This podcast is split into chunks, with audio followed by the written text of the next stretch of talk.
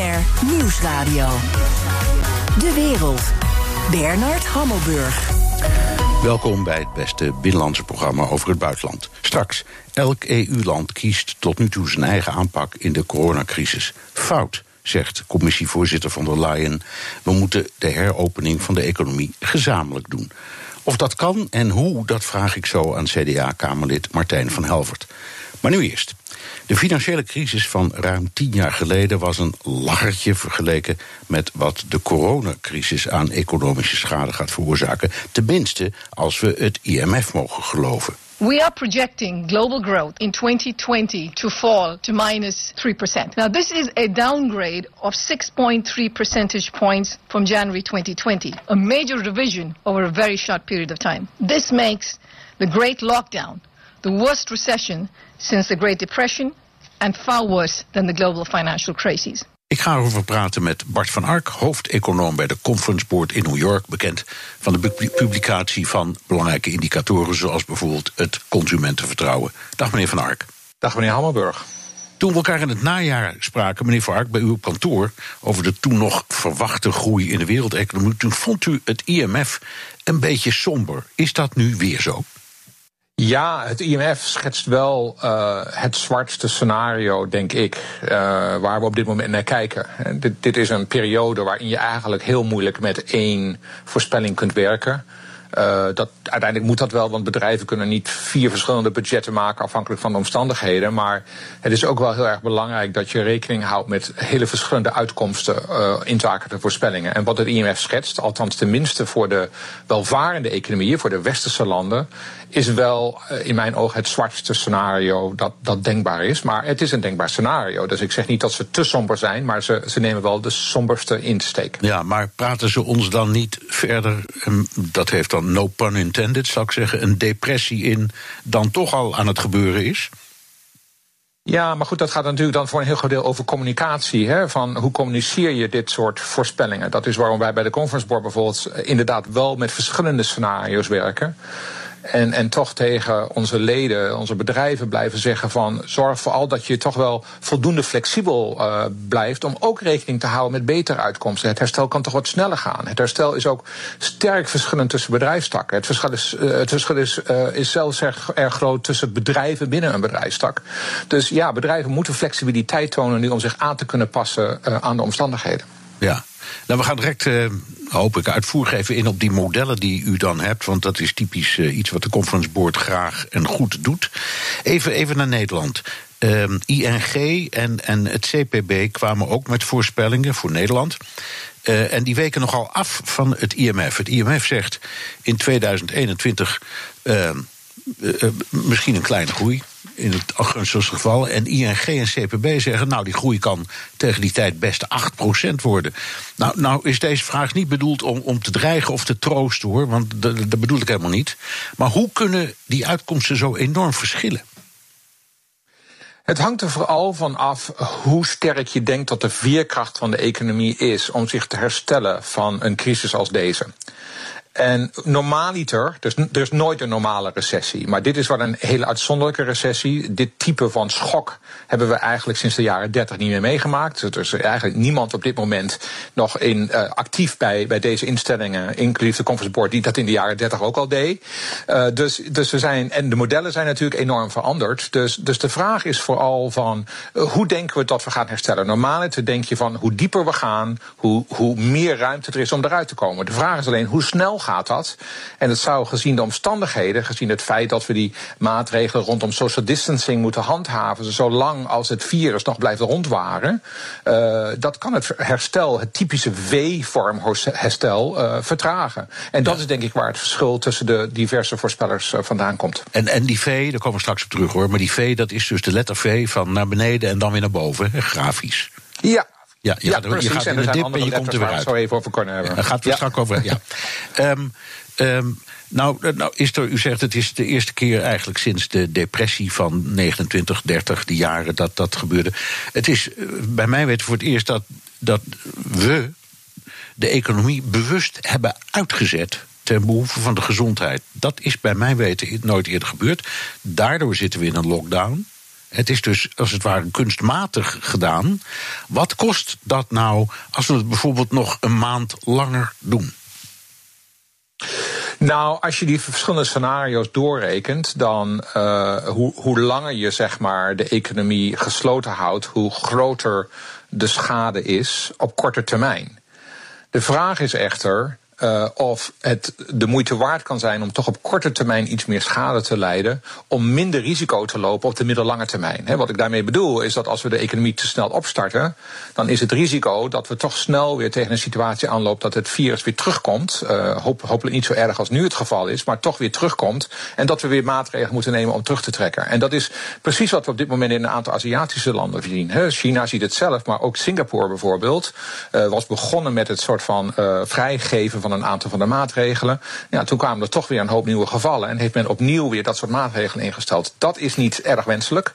Uh, en daarom is het wel belangrijk om te kijken van nou kunnen we dit nog wat langer doortrekken. En daardoor wat meer zekerheid creëren dat het herstel ook uh, zich kan doorzetten. Ja, eh, hebt u, of heeft de Conference Board enig idee over de schade die al geleden is? Nou, wat, wat duidelijk is, is dat uh, de maand maart uh, die achter ons ligt, um, veel erger is dan we gedacht hadden. En dat is met name omdat de eerste helft van maart, hè, laten we niet vergeten dat uh, het was op 11 maart dat de Wereldgezondheidsorganisatie dit een, uh, een, een wereldwijde epidemie benoemde.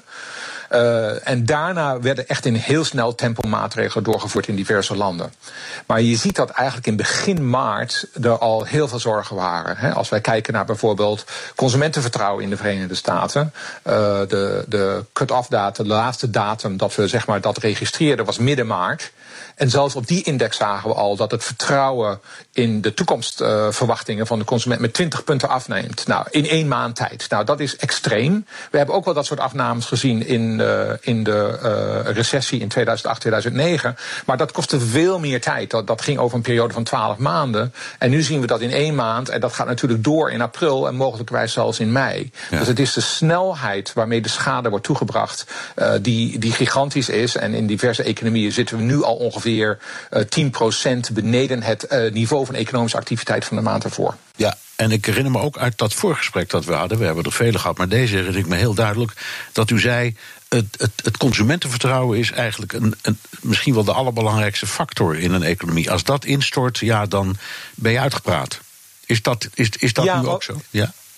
Ja, dat is zo. Maar wat wel interessant is aan de consumentenvertrouwen op dit moment is dat normaliter is de consumentenvertrouwen, dat noemen we dan een leidende index. Het is een voorspellende index. Hè. Als consumentenvertrouwen naar beneden gaat, dan gaat het consumentgedrag en het, de consumptie naar beneden. Nu is er iets anders gebeurd, zoals u net ook al zei. Eigenlijk werd op dit moment de consumptie gewoon gestopt. Dat was een, een maatregel die de overheid nam. We mochten niet meer consumeren, om het zo maar te zeggen. En eigenlijk ging de consumptie veel sneller naar beneden en begon eigenlijk een leider te worden voor de daling van de consumenten vertrouwen. En dat, dat is natuurlijk uniek. Dat hebben we niet eerder gezien. Nee, en er zijn dus ook geen modellen voor.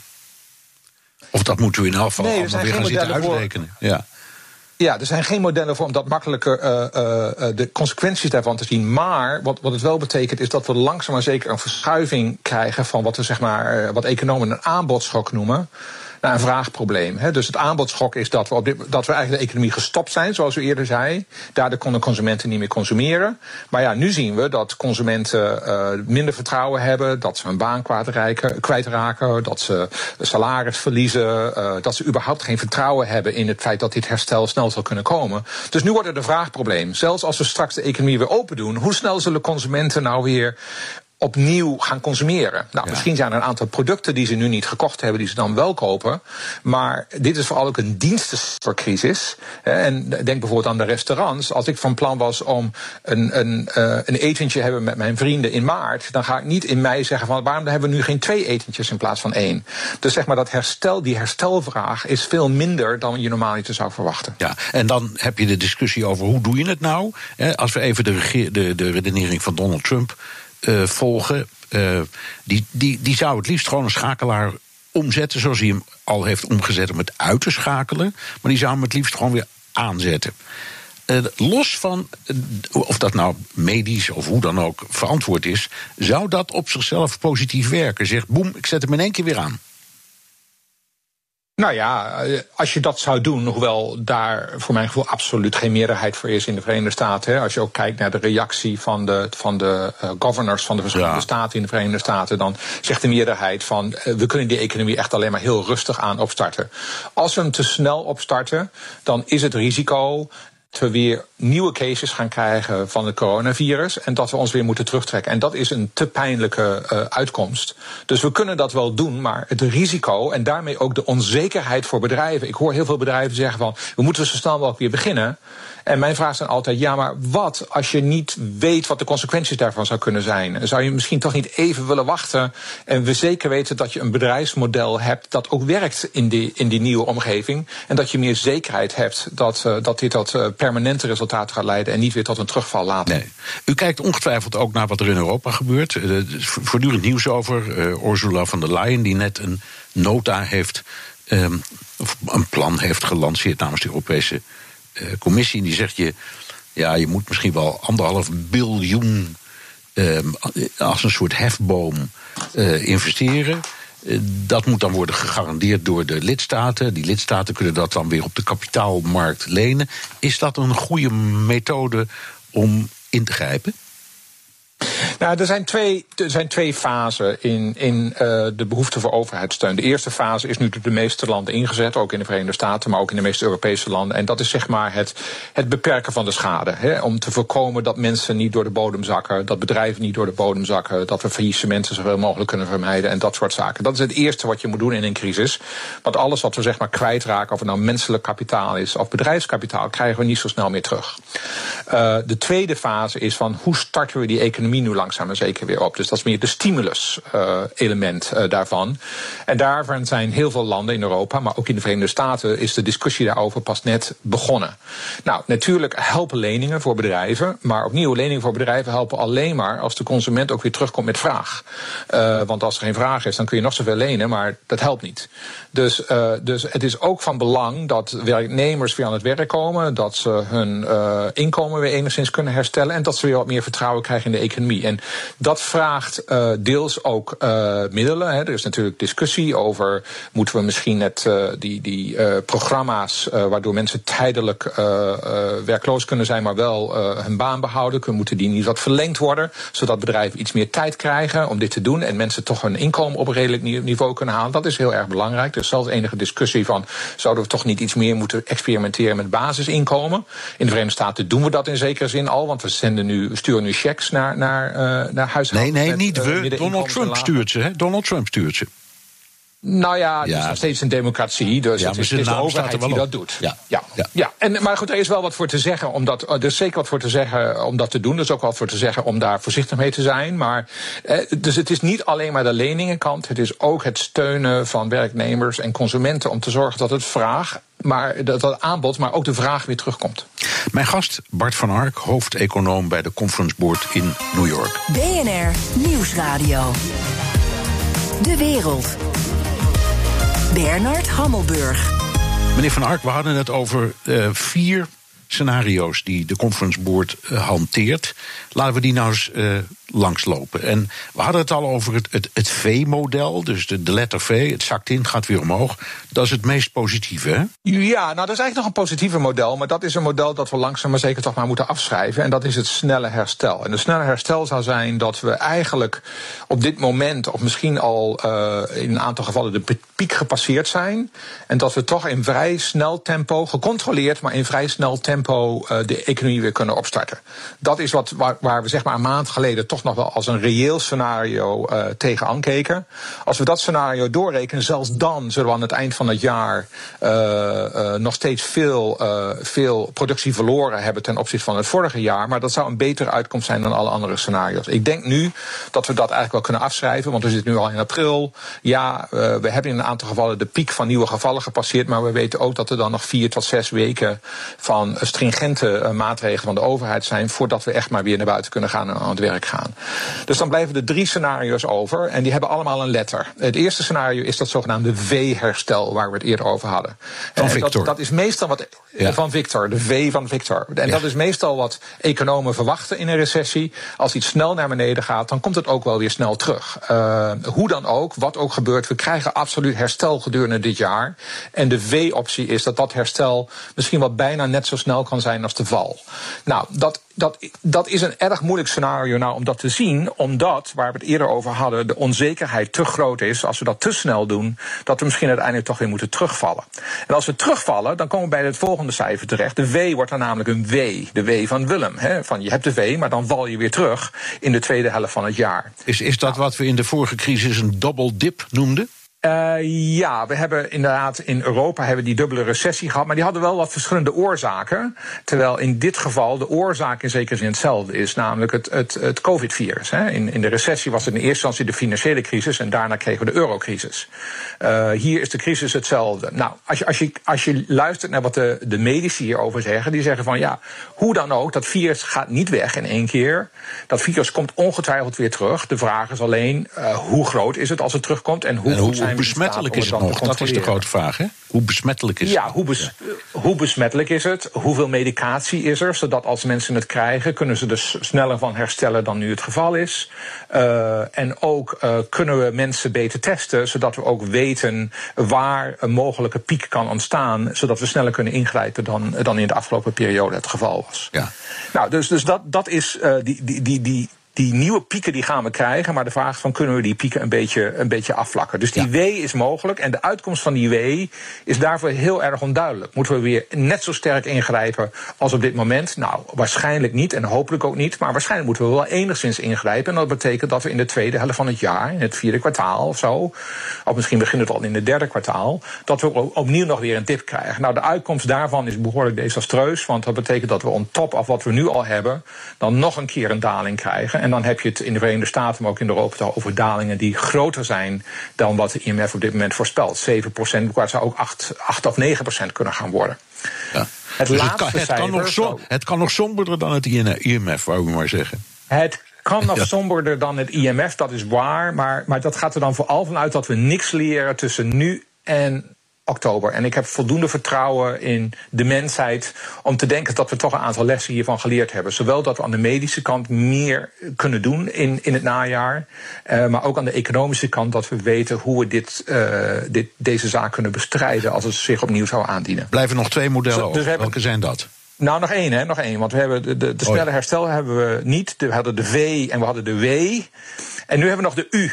En de U is in zekere zin uh, het feit dat uh, de V langzaam maar zeker, uh, de tweede helft van de V langzaam maar zeker een beetje naar rechts schuift. En dan worden er nu. het herstel is gewoon langzamer. Dat is dus je, in gaat, zekere je zin... gaat naar beneden, je blijft een tijdje beneden in de grafiek. En ja. dan kom je weer omhoog. Ja. ja. Ja, en dat is in zekere zin wat de meeste overheden op dit moment eigenlijk voorschrijven. En die zeggen van, we moeten echt volhouden met die social distancing maatregelen. Uh, we, moeten, uh, we kunnen langzaam maar zeker de economie beginnen op te starten. Dat is een veiligere koers, zowel vanuit een medisch perspectief als vanuit de zekerheid dat we het economisch herstel ook kunnen doorzetten later in het jaar. Maar ja, het betekent wel dat we voor een langere periode uh, afname hebben in economische groei en dat het pas in het najaar wordt voordat we weer enig herstel beginnen te zien. Nou, het aardige is dat in uiteindelijk uh, is dat, dat V-model, waar we het eerder over hadden, in het U-model, die wijken uiteindelijk niet zo ontzettend veel af van elkaar waar je uiteindelijk uitkomt aan het eind van 2020. Ja. Het W-model, de tweede daling, is veel erger. Ja. Dus uit dat opzicht is ons advies in zekere zin, hoewel wij natuurlijk niet in, de, in positie zijn om, om overheden te adviseren, maar wij, wij zeggen eigenlijk tegen bedrijven van dat, dat, dat langzame herstel is misschien zo slecht nog niet, want het geeft je meer zekerheid. En aan het eind van de rit ben je eigenlijk, zit je in dezelfde positie als met dat V-herstel, maar je hebt gewoon meer zekerheid. Uh, en dat is, de zekerheid is wel iets wat wenselijk Ja, is. je moet het alleen langer uithouden.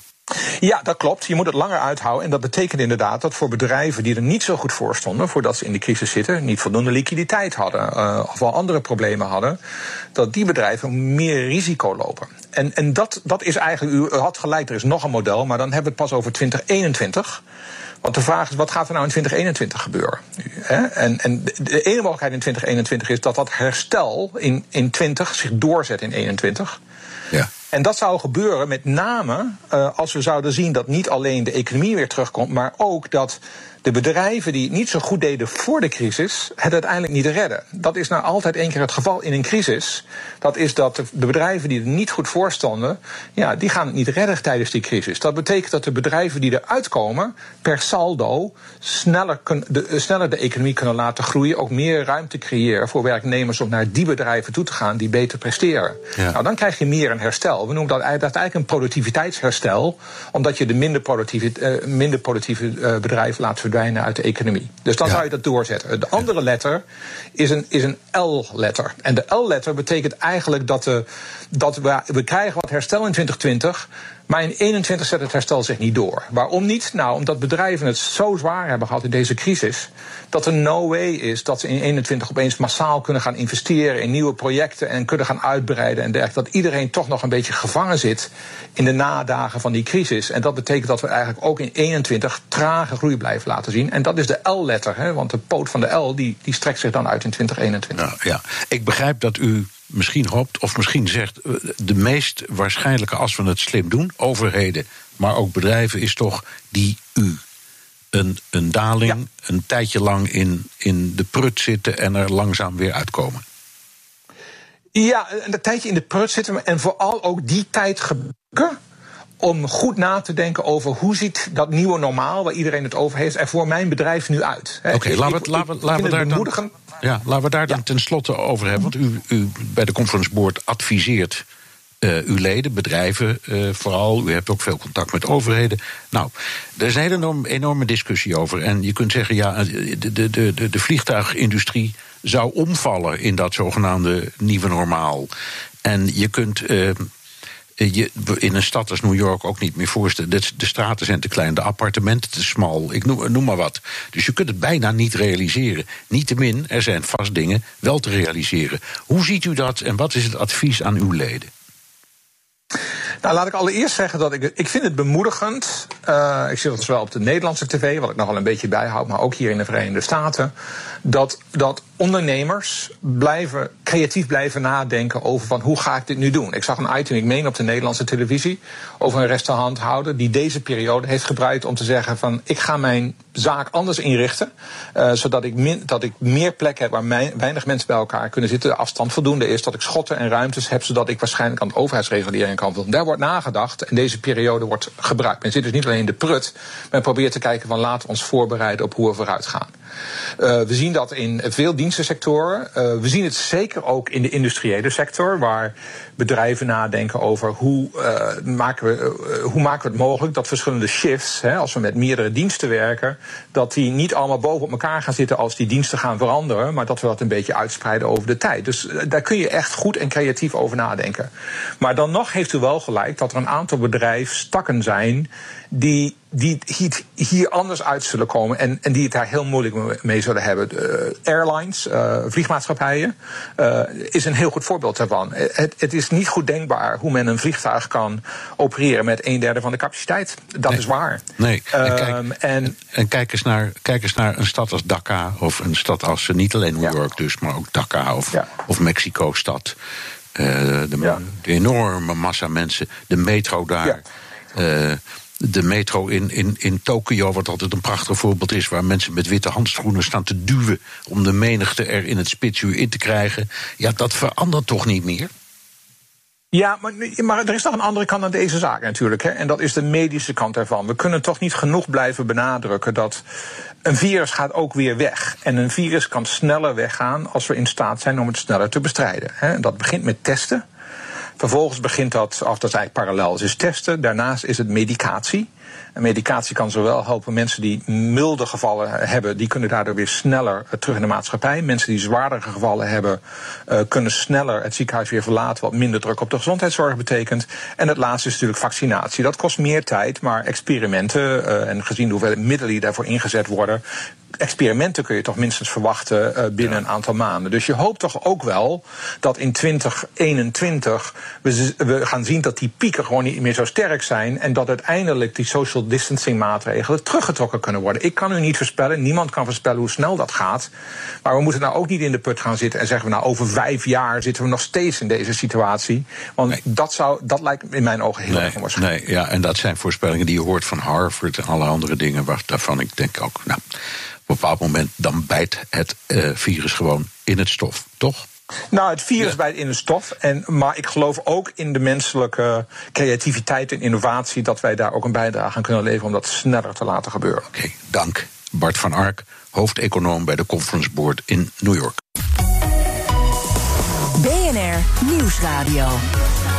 De wereld. Bernard Hammelburg. Een maand geleden schoot de Europese Centrale Bank zijn bazooka af, geladen met 750 miljard euro. Maar waar vloeit dat geld naartoe? En doet het wat het doet, moet, doen. Ik praat erover met Europa-verslaggever Jesse Pinsler. Jesse, hoeveel van het geld is er al uitgegeven? Er is inmiddels 50 miljard aan dit uh, PEP-geld, Pandemic Emergency Purchase program, zo hebben ze het genoemd, is er uitgegeven. Ze namen een hele snelle start eigenlijk. In die eerste vijf dagen werd de eerste 30 miljard er doorheen gejaagd eigenlijk. Nou, als je in dat tempo was doorgegaan, dan was het geld na zeven maanden ook weer op geweest. Dus iets langzamer aan doen ze het nu weten niet precies waar het nou aan uitgegeven wordt. Wel dat het nou ja, bedoeld is om staatsobligaties op te kopen. Dus de, nou, eigenlijk de druk op de, de, de begrotingen, de financiën van Griekenland, Italië niet te groot te laten worden. Maar er worden ook obligaties van bedrijven opgekocht. Maar hoeveel ze dan precies aan een miljard daar en een miljard daar uitdelen, dat uh, maken ze niet openbaar. Dus hebben we dan helemaal geen idee waar dat geld heen gaat? Nou, interessant genoeg maken ze wel lijsten bekend van de bedrijven die het uh, geld ontvangen, maar dus niet hoeveel dat precies is. Ik uh, kwam er vandaag ook uh, een lijstje tegen via Influence Map. Dat is een organisatie die eigenlijk de, de lobby en de invloed van bedrijven volgt. Nou, via hun kwam ik dan op die lijst. En dan valt er toch wel op dat er wel erg veel oliemaatschappijen op die lijst staan. Dus Shell, Total, het Italiaanse Eni, het Spaanse Cespa. En ik kan me zo voorstellen, die hebben natuurlijk vrij lastig met die lage olieprijs. Hoewel dat uh, waarschijnlijk nu weer uh, wat gaat veranderen. En ja, het roept ook wel de vraag op. Deze NGO, waar ik een rapport van las, ook van. Ja, bijt dit niet een beetje met de groene ambities die ook juist door de ECB, door ECB-baas Lagarde eerder zijn uitgesproken. Maar goed, de, ja, het is een, een, een, lijst van eigenlijk alle grote bedrijven hoor, in Europa. Want ook, uh, nou ja, als ik me een beetje tot Nederlands, Nederland focus... Um, Unilever, Heineken, British American Tobacco... nou ja, ook uh, al die bedrijven ontvangen... Inclusief nou ja, ontvangen geld... Ja worden leningen van opgekocht. Ja, het belangrijkste doel van de ECB is om te bereiken dat, dat er geen onrust rond de euro komt. Lukt dat? Ja, hoewel het dan officieel dan weer niet zo heet. Weet je, het, het gaat meer om het stabiel houden van de, van de munt. Kijk, um, en dan draait het eigenlijk dus altijd om die spreads. Hè, dus die rente op die staatsobligaties. En dan specifiek kijken ze vaak weer naar het verschil tussen uh, wat het in Italië is en in Duitsland. Of wat het in Griekenland is en in Duitsland. Dat dat niet, zoals in de eurocrisis, te veel uit elkaar gaat lopen. Um, het beeld is weer wat negatiever aan het worden. De eerste reactie toen ze die bazooka afschoten was, was positief. Toen liep het weer terug. Nu zie je dat die, die, die, die rentes toch weer wat aan het oplopen zijn. Het is nog niet zo dat we op dezelfde plek zitten als voordat die bazooka afgeschoten werd, of nog erger tijdens de eurocrisis. Maar je merkt toch dat er toch onrust is onder die investeerders. Kijk, die kijken natuurlijk ook wat er politiek gewoon gebeurt. Nou, dan hoef je maar te denken aan al dat geruzie rond Wopke Hoekstra met die zuidelijke Europese landen. Kan best zijn dat er vorige week een akkoord is gekomen, maar de, ja, dat is nog niet geruststellend genoeg. Ik las een verhaal in de Financial Times, waarin een asset manager ook zegt: ja, als ik naar het politieke uh, verhaal kijk, dan zie ik geen solidariteit en eigenlijk iedereen voor zichzelf. Ja, maar is het uiteindelijk niet aan de politici om het probleem aan te pakken en niet aan de centrale bankiers? Ja, dat, dat is de oproep van Lagarde, de baas van de ECB, ook keer op keer. Ook vandaag uh, zei ze dat eigenlijk weer. Kijk, je ziet dat die schulden oplopen, omdat al die landen geld uitgeven om de schok op te, uh, op te vangen. En dan procentueel ziet het er nog slechter uit. Want nou, als je gaat kijken wat de schuld is ten opzichte van de grootte van de economie, dan loopt dat op, want die economie wordt kleiner op dit moment. Dus in Italië, daar was het al 134 procent de staatsschuld van het BBP. En ja, volgens de Rabobank Gaat het oplopen tot 150 procent. Ik heb voorspellingen gezien die richting de 180 procent gaan. Dan heb je het gewoon over Griekenland in de hoogtijdagen van de eurocrisis. Maar dan bij de derde economie van de eurozone. Dus je zou denken dat de politiek ook heel heftig bezig is. Maar de politiek kan eigenlijk nog steeds een beetje achteroverleunen. Want die zien dat ja, die oplossing komt uit Frankfurt. Die moeten de hete aardappels maar uit het vuur halen. En Lagarde heeft het vandaag ook weer gezegd. We hebben nog een tweede 750 miljard klaarstaan als het nodig is. En we zullen alles doen wat er nodig is. Dus de politiek kan nog even rustig achterover blijven zitten. Dankjewel, Europa-verslaggever Jesse Pinster. De Donald Show. Tijd voor een update uit de United States of Trump met onze correspondent in Washington, Jan Postma. Jan, Trump wilde een eigen corona-radioshow beginnen. Ja, in eh, maart had hij dat idee. Hij heeft dat plan toen ook uitgelegd, eh, gepitcht eigenlijk tijdens een bijeenkomst van de Corona Task Force. En hij zag voor zich dat hij dagelijks twee uur lang vragen zou beantwoorden van luisteraars. Die zouden kunnen inbellen uh, en via een e-mail vragen in kunnen leveren. En Trump zou dan dus als presentator dat allemaal behandelen. En mensen daar wisten eerst niet of hij een grapje maakte. Want elke dag twee uur in een radiostudio tijdens een crisis, dat is natuurlijk niet meteen heel handig. Maar een paar dagen later liet hij meteen weten dat, uh, dat hij dat idee weer liet varen. Want hij wilde geen concurrent voor Rush Limbo worden. Ah, Rush Limbo, de koning van de talkshow. Die kreeg nog een medaille van Trump tijdens de State of the Union, toch? Ja, inderdaad. Dat is echt de held van, van conservatief Amerika. Heel uitgesproken, provocerend, heel rechts. Hij is uh, ernstig ziek, uh, daarom kreeg hij ook uh, die medaille. Maar hij is nog altijd heel succesvol. Hij had 15,5 miljoen luisteraars per week. Dus ja, een soort Hammelburg, Bernard. op andere punten niet, hoor. Op andere punten niet. Want wat horen die mensen dan als ze naar hem luisteren? Nou, dit bijvoorbeeld. Limbo die heeft het hier over Dr. Fauci... en de andere medische experts in die taskforce. En over dat team zegt hij dan dit. You know, we got all of these Hillary Clinton sympathizers still in the medical expert team here. And we know that one thing has not changed, and that is these people's desire above everything else to get rid of Donald Trump. Can you believe these people don't care about the economy being shut down? Ja, hier wordt uh, met name Fauci eventjes echt als een, als een Clinton-supporter neergezet. Uh, Fauci had zijn duim opgestoken naar een journalist in de zaal tijdens een persconferentie. En dat duidt dan weer op samenspanning met die linkse media, vindt Limbo. En, en Limbo die staat echt vierkant achter Trump. en, en, en hij heeft ook al gezegd, als iemand ooit van mij kan invallen of mij kan opvolgen, dan is dat Donald Trump. Ja, je hebt de afgelopen weken enorm uitgebreid naar Limbo geluisterd. Ik heb dat ook heel vaak gedaan. Waar deed het jou aan denken?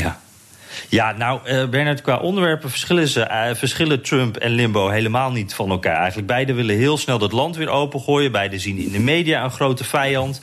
En, uh, en in de Democraten natuurlijk. En Limbo hoor je ook constant over, over China, over de WHO, over de gouverneurs die allemaal tekortschieten. De enige die het goed doet, doet is Trump. Dus eigenlijk is, lijkt het enorm op de corona-updates van Trump. Alleen dan wat minder complottheorieën en niet. ja, en, en dus niet. niet op, in zo'n zaaltje in het Witte Huis. Uh, de journalisten zijn in dit geval dan de inbellers met de vragen. En Trump beantwoordt ze eigenlijk als een soort talkshow, uh, de talk radio host. En improviseert zich dan ook op dezelfde manier door die antwoorden heen. Net zoals Rush Limbo dat doet. En net als Limbo, elke dag een onderwerp wat hem enorm opwindt. Trump die, die, die doet dat precies hetzelfde als Limbo. En zo bepaalt hij eigenlijk, ja, ze bepalen allebei eigenlijk de agenda van de dag. Net een beetje zoals in de campagne van 2016. Uh, dat we elke dag een ander onderwerp hadden van Trump waar hij zich boos over maakte. En daar hadden we het dan met z'n allen over. Uh, Trump heeft het draaiboek, net als Limbo. En de onderwerpen waar wij als luisteraars dan alleen maar naar kunnen luisteren. Dankjewel. Jan Postma, onze correspondent in Washington. En wilt u meer horen over dat fascinerende land? Luister dan naar de Amerika-podcast van Jan en uw dienstwillige dienaar. Nieuwste editie komt eraan. BNR Nieuwsradio. De wereld. Van enige corona-coördinatie in de Europese Unie was tot nu toe weinig te merken. Maar als het aan commissievoorzitter Ursula von der Leyen ligt, gaan we daar wel, komen we wel gezamenlijk uit deze crisis. It is very important that the coordination between neighboring member states is an excellent one. Good neighbors speak with each other. Ik ga erover praten met Martijn van Helvert, buitenlandwoordvoerder van het CDA in de Tweede Kamer. Dag meneer van Helvert. Een goedemiddag. Gaat het goed met u? Het gaat uh, met, uh, hier thuis met ons en het gezin erg goed. Maar ik woon in Sittard, één kilometer van de Duitse grens. Waar die brandhaard destijds ook heel snel startte bij Gangelt. Uh, dus ik merk in de stad dat ik steeds meer vrienden en kennissen heb die ziek zijn, ernstig ja. ziek. ook, of, ook zelfs zijn overleden. Dus dat maakt de, het virus wel heel grillig en ja. triest hier. En dan komt het echt naar je toe, hè? Ja. ja. We gaan praten over de Europese Commissie met u het vinden. Lidstaten moeten vandaag onderling gaan coördineren hoe ze de maatregelen versoepelen. En er moet onderling solidariteit en respect zijn. Ja, dat, dat klinkt dan toch meer als een oproep. En daarna kan toch elk land weer doen wat het wil. Ja, nou, maar ook een oproep kan in die zin wel veel waard zijn. En dat is natuurlijk zo. Voor een deel weten we dat we in Europa heel graag samenwerken. Maar weten we ook dat we niet echt mechanismes hebben om elkaar uh, pijnlijk op de vingers te tikken als iemand zich er niet aan houdt. Dus dat, dat is eigenlijk een gegeven. Uh, maar het signaal wat Europa geeft, is denk ik wel heel belangrijk. Namelijk dat we hier als Europa uh, wel samen uit, sterk uit moeten komen. En dat het in de geopolitiek geen wedstrijdje Nederland-Italië is. Dat is natuurlijk niet het geval. Nee. Het gaat om China, het gaat om Amerika, Zuid-Amerika, India, Rusland en Europa. En die Chinezen en Russen lachen zich natuurlijk kapot als wij met Italië nu even onderlinge geschillen die we al hadden liggen voor de crisis uit gaan vechten voordat we elkaar gaan helpen. Ja, dat klinkt ze natuurlijk als muziek in de oren, hebt u gelijk. Maar dan denk je, dan zou de commissie misschien wat meer leiding moeten pakken. Want Ursula van der Leyen komt wel met een heel, ik zeg, aansprekend verhaal. En ze brengt het prachtig met veel compassie. Uh, maar ze zeggen, oké, neem dan de leiding. Maar dat lukt dan weer niet. Ja, dat is natuurlijk, dat komt ook, en daar zijn we zelf als Nederland ook onderdeel van, dat we ieder natuurlijk wel zijn eigen uh, soevereiniteit willen behouden. En dat willen we ook. Dus we willen ook niet dat iemand anders ons gaat vertellen uh, wat wij moeten doen. Uh, zij zegt alleen, dit zou de beste weg zijn. Ik denk als zij had gezegd, en vanaf nu bepaal ik hier eventjes met de commissie dat gij zult dit en dit doen. Dat wij een heel ander gesprek op deze zender hadden. Van, hey, wat menen die mensen in Europa zich wel niet? Ook al is het misschien wel een goed idee. dus in die zin is het ook een beetje op een, ja, is het een beetje lastig wandelen. en ik denk in die zin dat we heel duidelijk wel onze grenzen moeten stellen van dat zowel landen die uh, dat landen, andere landen zoals Italië en Spanje niet die crisis mogen gebruiken om oude mensen te halen. Uh, zoals Europa ons, maar wij dat ook niet mogen doen. Wij moeten ook zeggen, hey, eerst je pensioen op orde Italië en dan gaan we pas. Kijk, dat zijn dat is onmiddellijk dat hadden we al. We moeten eerst zorgen dat we sterk uit de crisis komen. En, uh, en daarna kunnen we dus wel des te duidelijk tegen landen die hun zaken niet op orde hadden zeggen. Zie je wel, als jij niet zorgt dat je je toestel op orde hebt, dan, dan haal je dus niet in zo'n crisis. Nee. De lijn is uh, niet fantastisch, uh, meneer Verhoeven. Ik hoop dat die zich herstelt, zoals de coronapatiënten ook moeten doen. Um, ja, ja, dat klopt. Ja, um, als er nou zo'n zo'n lijn zou zijn uitgestippeld uh, voor, in, in de, door de Europese Commissie, hè, volledig. Uh, en we hadden allemaal gezegd, nou ja, we gaan dan toch proberen om dat hetzelfde te doen. En geen discussies krijgen. U zit daar aan de grens. Aan de ene kant van de grens wel mondkapjes, aan de andere kant van de grens geen mond, mondkapjes.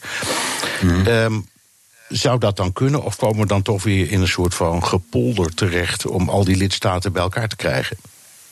Ja, dat blijft altijd lastig. Zelfs op Benelux-niveau is dat al lastig. En inderdaad, ik woon aan die grens. Ik woon één kilometer van Duitsland. En ik woon vier kilometer van de Belgische grens.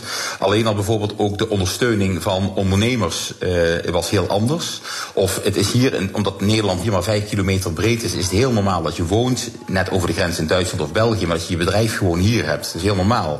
Maar die mensen vielen tot uh, een paar dagen geleden nog gewoon buiten alle noodmaatregelen. Ja, kijk, dat soort dingen, hè, die kregen zowel in Duitsland niets, in België niets, als in Nederland niets, omdat ze toevallig aan twee kanten van de grens bezig waren. En uh, ja, dat is, uh, dat, we zien dus dat dat nu wel verbetert. We zien ook dat het Nederland lukt met België en Duitsland om tot die afspraken te komen. En dat moet ook gelden voor, uh, voor mondkapjes, zoals de discussie vandaag ook in het debat dat nu bezig is, ook over die mondkapjes gaat. Hè? Ja. Hoe gaan we daarmee om?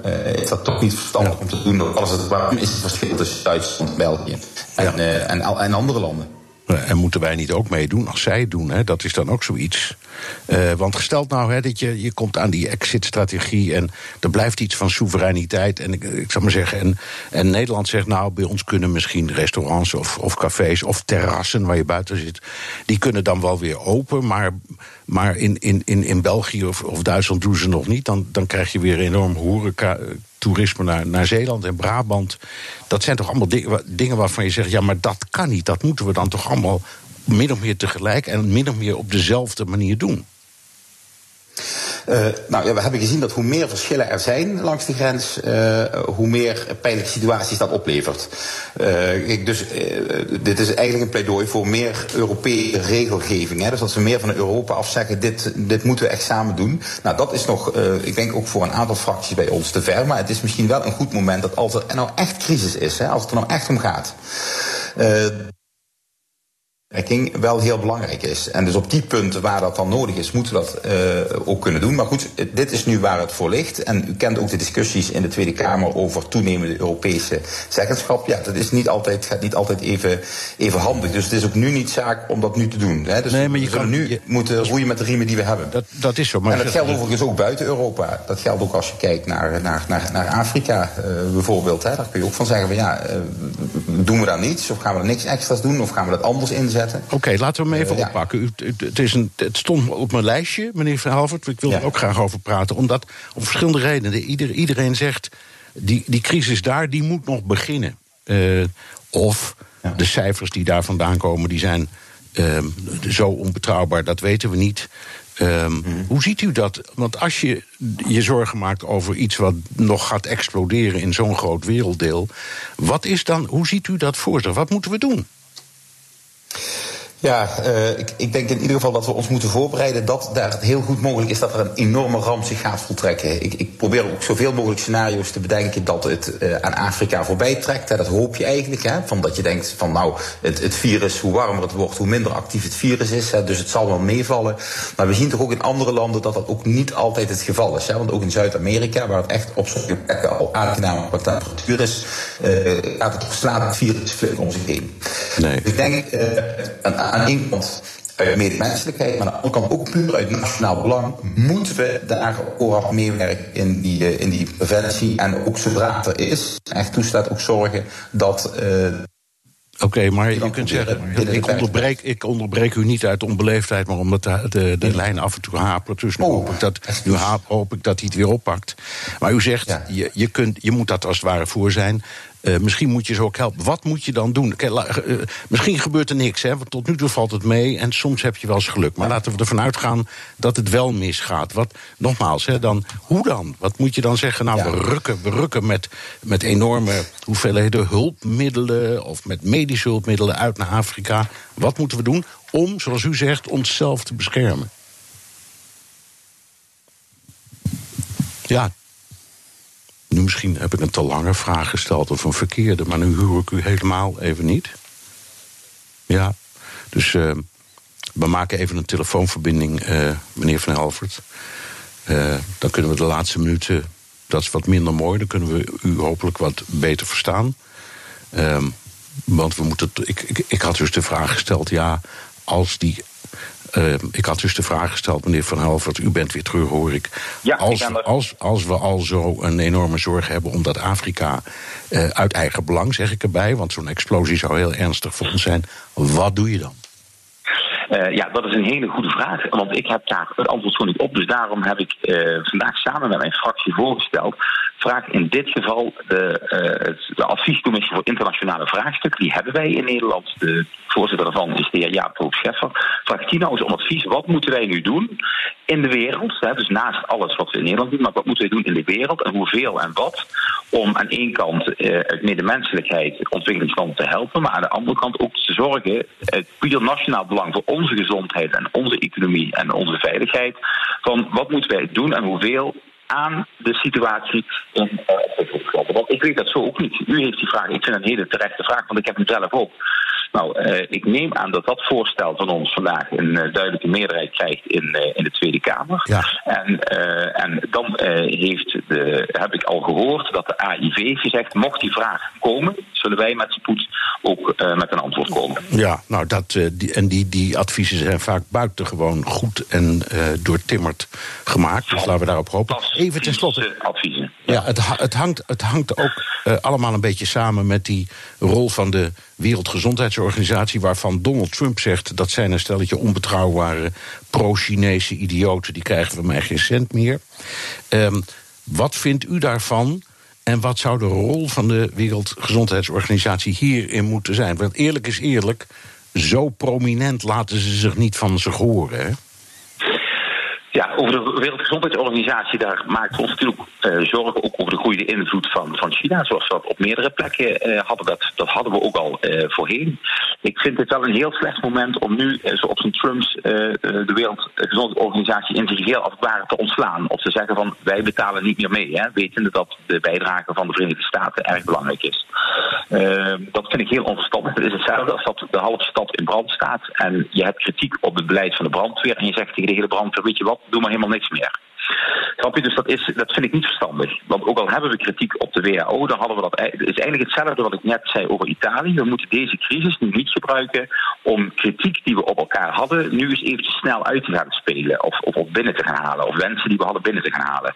Als Trump kritiek had op de WHO en de opkomst en de opgroeiende inbreng van China, had hij dat ook al voor die crisis aan kunnen kaarten. Want dat was voor die crisis ook al, die geruchten en die eh, angsten. Dus midden in een crisis zeggen, uh, je doet maar niks meer, dat vind ik echt niet verstandig. Ook niet als we als Verenigde Staten toch graag leider van de wereld zijn, vind ik dat een heel slecht signaal. Ja, hoewel u zegt, ik, ik, ik, ik deel die kritiek op die Wereldgezondheidsorganisatie ook wel een beetje. Ja, kunt zeker. En ik maak me ook zorgen dat China daar een groot, grotere stempel in heeft dan ons lief is. Uh, maar dat, die, die angst, hè, want we hebben eigenlijk voordat de coronacrisis was, hadden we bijna maandelijks wel ergens een debat, of soms wel eens wekelijks, over de invloed van China. Uh, dus we, en toen hebben we er ook nooit voor gekozen om uh, China overal weg te, weg te jagen, of, of, of, of, of instrumenten waar China inactief was, niet meer te gebruiken. Nee, toen hebben we gezegd, laten we het gesprek aangaan. En nu zitten we midden in een crisis en dan zeggen we dan nu ineens, oh, China heeft daar veel te zeggen, dus we maken er helemaal geen gebruik meer van. Nee, dus, ja, dus, dat vind ik, ja, nee, vind ik niet verstandig. Nee. Oké, nou laten we afspreken. We wachten op een vaccin en dan gaan we in de clinch met uh, China. Dank. Martijn van Helvert, buitenlandwoordvoerder voor het CDA in de Tweede Kamer. Tot zover BNR De Wereld. Terugluisteren kan via de site, de app, Spotify of Apple Podcast. Reageren kan via een mailtje naar dewereld.bnr.nl. Tot volgende week.